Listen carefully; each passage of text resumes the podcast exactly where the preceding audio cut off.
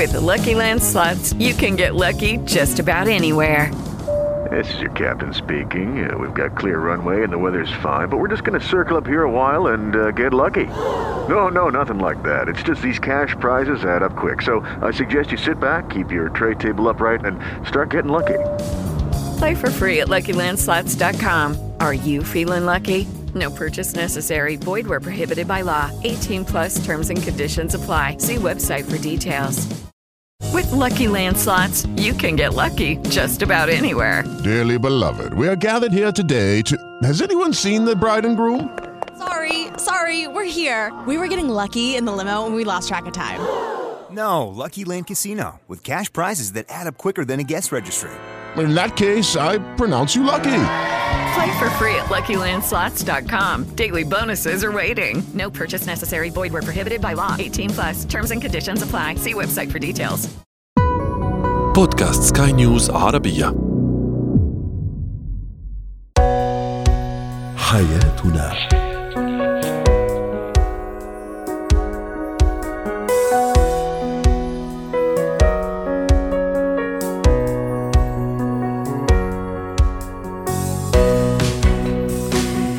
مستمعينا الكرام أهلا بكم معنا إلى حياتنا فضاؤكم اليومي الذي يعنى بشؤون الأسرة وباقي الشؤون الحياتية الأخرى والذي يمكنكم الاستماع إليه عبر منصة سكاي نيوز عربيه dot com slash podcast وباقي منصات سكاي نيوز العربية الأخرى. شاركونا عبر رقم الواتساب 00971 561 886223 معي أنا أمال شاب. اليوم نتحدث عن اللف أو العنف اللفظي الذي يستعمله بعض الأزواج تجاه الطرف الآخر زوج أو زوجة طبعا. وأيضا الطفل الكسول. لماذا طفلي كسول وكيف أتعامل مع هذا الكسل؟ وأخيرا نتعرف على اتيكيت الإقامة في الفنادق.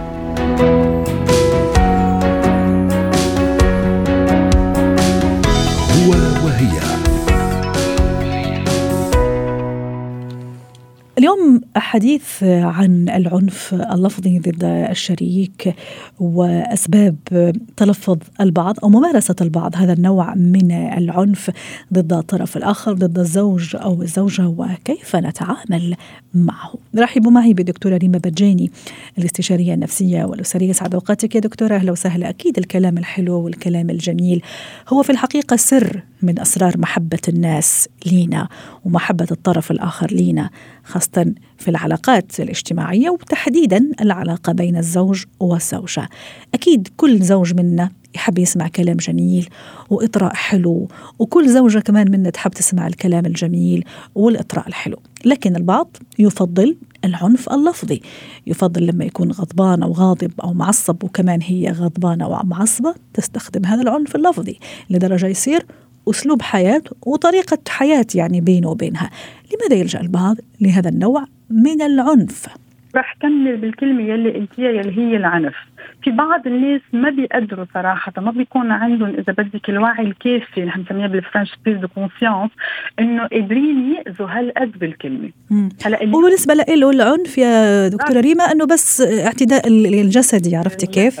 صحيح بس نحن اليوم وقت نحكي عن العنف العنف اللفظي الإيموشنال العاطفي. يا ويمكن أصعب يا دكتورة العنف اللفظي يعني نعم. يعمل هالشروخ وما يتنسى. يمكن إحنا ما عم نشجع العنف بكل اشكاله بس قصدي ممكن العنف الجسدي الكدمات تروح لكن العنف اللفظي يعني يبقى في يعني موجود فينا. وأرجع أقول إحنا ما نشجع على أي نوع من من, من العنف. صحيح. وهون أنا بقول العنف اللفظي والإيموشنال العاطفي بيأذي أكثر بكثير من الجسد مثل ما قلت فيها الكدمات تروح أو الإزرار يروح بس الجرح النفسي يلي جوا يلي الإنسان هو بحد ذاته اللي عم يتعرض له ما بيعرف قد إيه حجم الأذى يلي بيكون عم يتعرض له يعني ما بيعرف قديش وين عم يخرق صراحة.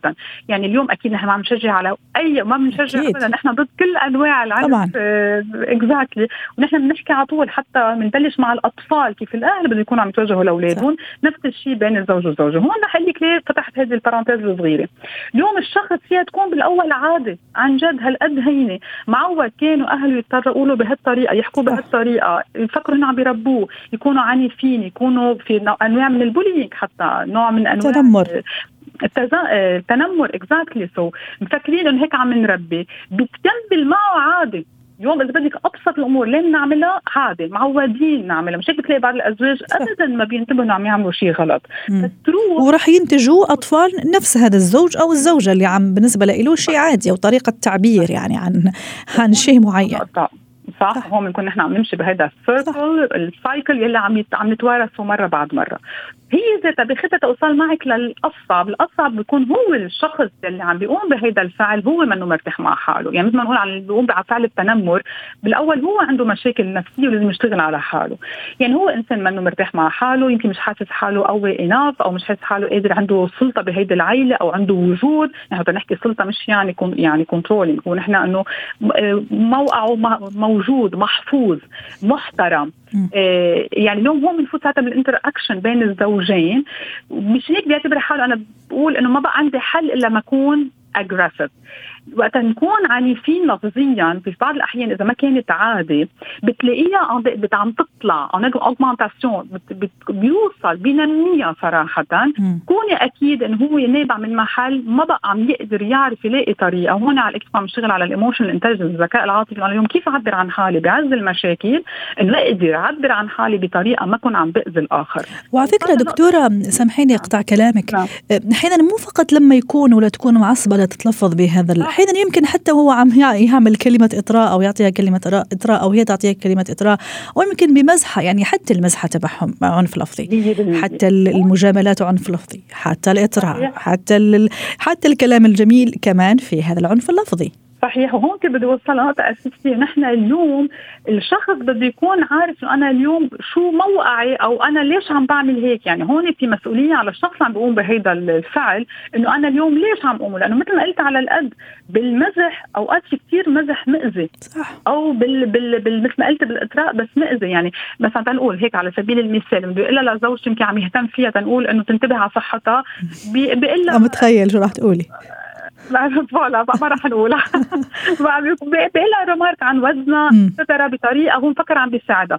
ونحن كمان هون نقطة أساسية إنه أوقات العنف اللفظي مش كل الأوقات لأنه معود أو لأنه ما عم يعرف يتصرف مع حاله. ببعض الأحيان عن نيه صافية. وهون إذا بدك النقطة الشريك بتحس بالمقابل بتحسه بأمبيفالانس بيضيع يعني وكأنه صار في في ال في ال ال ال المعجم تبعه أو الديكسيونير تبعه أو المخزون اللغوي والمخزون اللي الإنسان يعني يكونه من هو صغير خلص يعني المخزون اللغوي صار فيه هذا النوع من الكلام اللي يندرج تحت عنف لفظي. وهون ليش بنقول رح نفسر ليه؟ لأنه مثل ما كانوا يقولون اهلنا مثلا أو الأهل بيقولوا أنا اليوم قعدتي معك تربيك ما بنقدر نفصل بين القساوه وبين العنف والتربية، يعني حتى بتنتبه الأهل بيقولوا بدي ربيك تطلع بطريقة عنيفة، لا التربية هي ferme هي نكون ferme صارمين. صارمين. نكون صارمين بس مش عنيفين، في fine في خط كثير رفيع بين كون صارم أو كون عنيف، أنا بوصل الاطفال ساعتها بصير أجل بصير عنيف لأنه ما بقى عم بعرف فرق بين الشغلتين وإذا بدي يكون بتبلش المشاكل. طيب يا دكتورة أنا عندي هذا المشكل. كزوجة زوجي يعنفني لفظيا على الطالع والنازل صباح وعشية ومساء وبالليل وقبل ما ننام ولما نصحى. ويمكن كمان أنا كزوج أعاني من هذا المشكل. زوجتي بتحكي كلام كثير يأذيني وكثير يجرحني وحتى وهي عم تمزح أحيانا وحتى يمكن هي عم تطري تطري علي كمان تستخدم هالألفاظ. نحن نحكي من الجانبين. إحنا دائما نتمنى الجانبين حتى ما نكون منحازين لجهة دون أخرى. كيف أتصرف مع هذا الشخص اللي ما يقدر يتخلص من هالمشكلة؟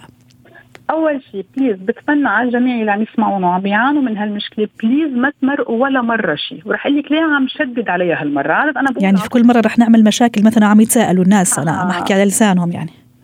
نعم. يعني في كل مرة سمعت أنا لفظ كذا ازعجني أروح أعمل مشكل شو أعمل؟ لا لا ابدا نعمل مشكل. شوف شو رح نعمل.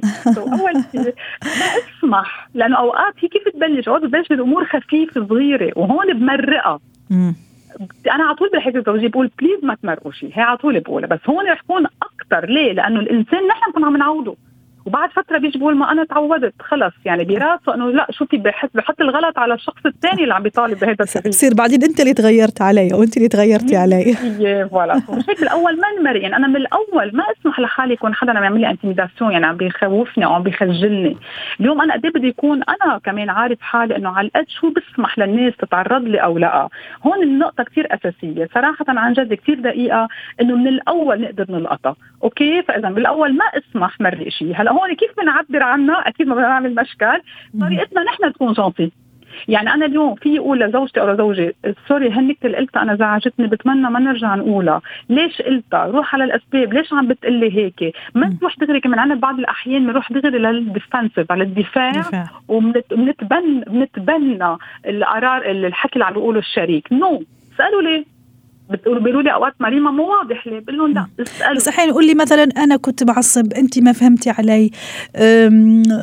هذه طريقتي لازم تفهميني. يعني لازم يكون في مبررات. أها في أول وحدة كنت معصب له كثير منيح. وقت تكون معصب أنا بساعدك كيف تظبط طريقتك تتعبر عن تعصبك نحن كمان بدنا الشخص الثاني ما يسكت. نحن كمان بده يعبر عن انزعاجه بس بنظبط الطريقة. سو بنقول له معك حق تنزعج بس طريقتك كانت غلط. هون بنبلش نعوده كيف يقسمهم. هلأ هي طريقتي ما بحبها ابدا لأنه كل إنسان قدر يتغير. اليوم أنا ما في يضل إنه هيدي طريقتي إذا هي عم بت... عم بتعيقنا إذا بدك أو عم تزعجنا أو عم بتضر بعلاقتنا. أو يمكن هذه طريقتك لما أنت كنت عزابي أو كنت عزابية مع نفسك. بس دام إنه الحياة الآن صارت مشتركة ويعني يعني عم نتقاسمها أكيد يعني حريتك يعني تتوقف شوي عندما تبلش أنت تأذيني أو تبلش أنت تأذيني بكلامك. دكتورة ريما حتى نختم معك هاللقاء الجميل اليوم. وهيدي الجملة بدي أخذها منك نقول أنا اليوم حريتي توقف على حدود الأذى الآخر. إذا بعرف أنا حريتي بالتعبير أو بالتعاطي عم تأذي الآخر بدي اعيد النظر بهيدي الطريقة لأنه أنا اليوم مش يعني عم غير كرمال الآخر م. يعني أنا طريقتي مزعجة. صح. بس يمكن ما كان حدا قبل عم بيقول لي وأنا ما كنت وأنا تماديت لأنه ما حدا قال لي بالأول بس هي كانت مزعجة. يعني كان في أشخاص ما تقطعوا بحياتي وانزعجوا من هذا الموضوع. صحيح. وأكيد أنت طريقتك معنا أكيد مش مزعجة رائعة وجميلة ودائما يعني عندك إضافة وبصمتك. معنا. أتمنى لك يوم سعيد يا دكتورة ريما بجاني الاستشارية النفسية ضيفتنا العزيزة من بيروت. زينة الحياة. اليوم موضوعنا عن الكسل تحديدا الطفل الكسول. أكيد لما نحكي طفل ما يخطر على بالنا الكسل. يخطر على بالنا النشاط الحيوية الاندفاع أفكار جديدة حتى أحيانا المشاكسة والشغب الطفولة طبعا. لكن أنه يكون طفل كسول فهذا موضوعنا اليوم. نحاول أن نتعرف على زواياه المختلفة وأسبابه وكيف أتعامل معه. رحبوا معي بريم صابوني الاستشارية النفسية وتربوية ضيفتنا من القاهرة. يسعد أوقاتك يا أستاذة ريم. طفلي كسول لدرجة أنه ما يقدر يروح مثلا على المطبخ عفوا يجيب كاسة مي يعتمد علي أو على أخوه الكبير أو على أخته أو يمكن حتى على عاملة المنزلية. هذا شيء بسيط هذا فيض من غيض من تصرفات من الصباح الله خير لليل طفلي كسول. كل تصرفاته كسولة حتى المدرسة يلا يروح على المدرسة. كيف أتصرف؟ وشو الأسباب أولا؟ الكسل عند الأطفال. لما بقول إنه طفلي كسول آه بصراحة أول شيء أنا بحب أسأل يا ترى أنت كيف بتعرفي أصلا قضية الكسل عند الطفل؟ هلأ أنت أعطيتي بعض الأمثلة فجميل جدا إنه إحنا هون حددنا معنى السلوك لكن في معاني مختلفة بذهننا نحن الكبار. عن كسل الأطفال. فهل أنت بتقصدي بكسل الطفل إنه هو غير قادر على إنجاز الأعمال أم أنه هو المماطلة بإنجاز الأعمال أم أنه هو ما في خمول في نش... ما في نشاط في خمول يعني هون عم نحكي. أو يمكن حتى أحيانا أنا أقارن أنا عم كمان يعني استفيض أنا وياكي في في الفرضيات اللي حضرتك عم تحكيها أستاذة ريم. ممكن كمان أنا عم قارن بينه وبين أخوه. فبقول يا الله أنت كسول يعني أخوك محمد أو عمر أو أو مصطفى يعني نشيط أنت ليش هيك؟ حلو كثير هون نحن عم نحكي عن توقعات ومعايير مسبقة مننا نحن الأهل وعم نقارنها ونحطها كأنها ستاندرد ولازم الطفل يوصل لها. أو لما أنا كنت صغيرة والله ما كنت زيك يا ماما أنا كنت أشطر منك وكنت آه. أنشط منك.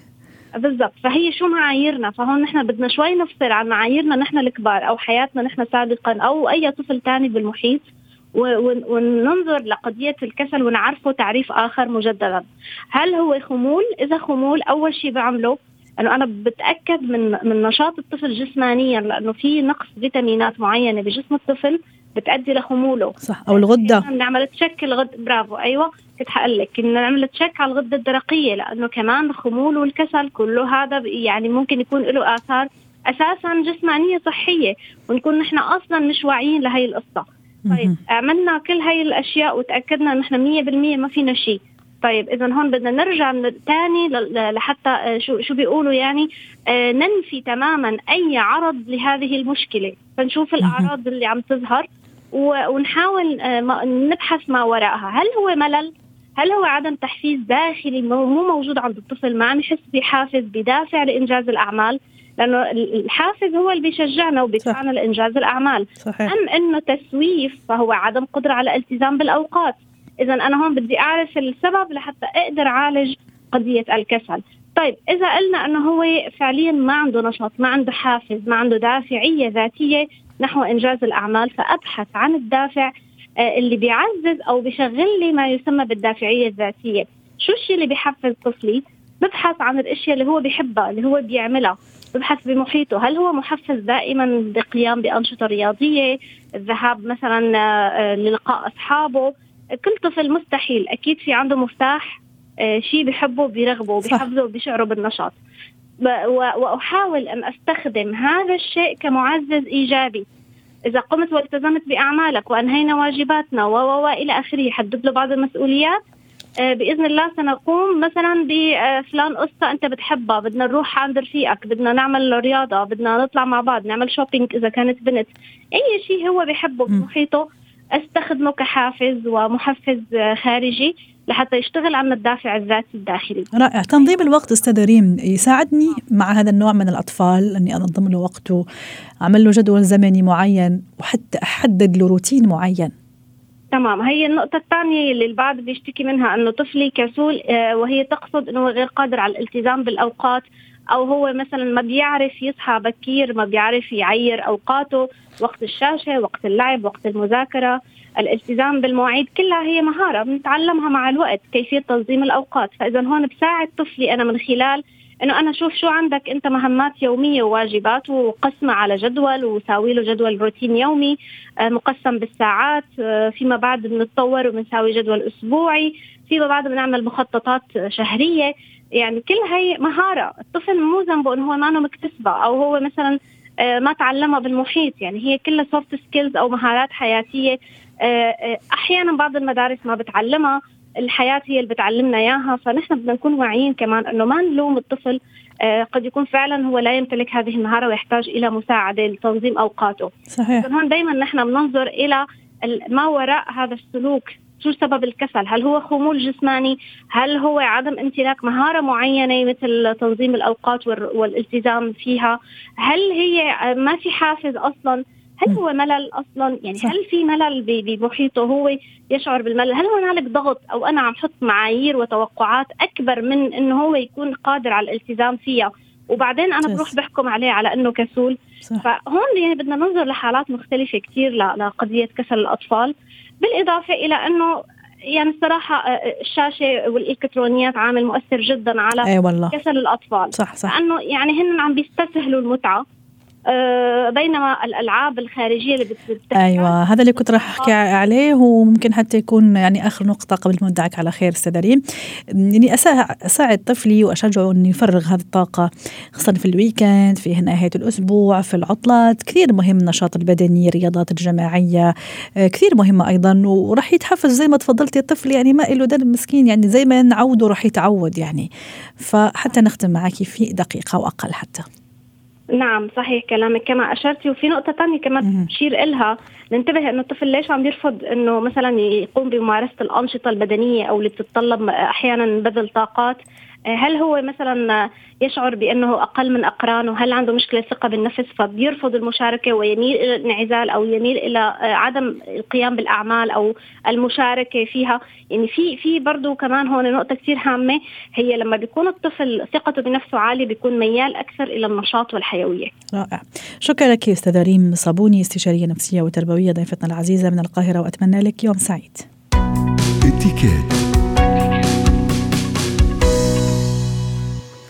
اليوم في اتيكيت نتحدث عن اتيكيت في مكان مهم جدا وممكن كثير من الأشخاص يروحوا له ممكن بدافع الترفيه ممكن لأنه عندهم عمل.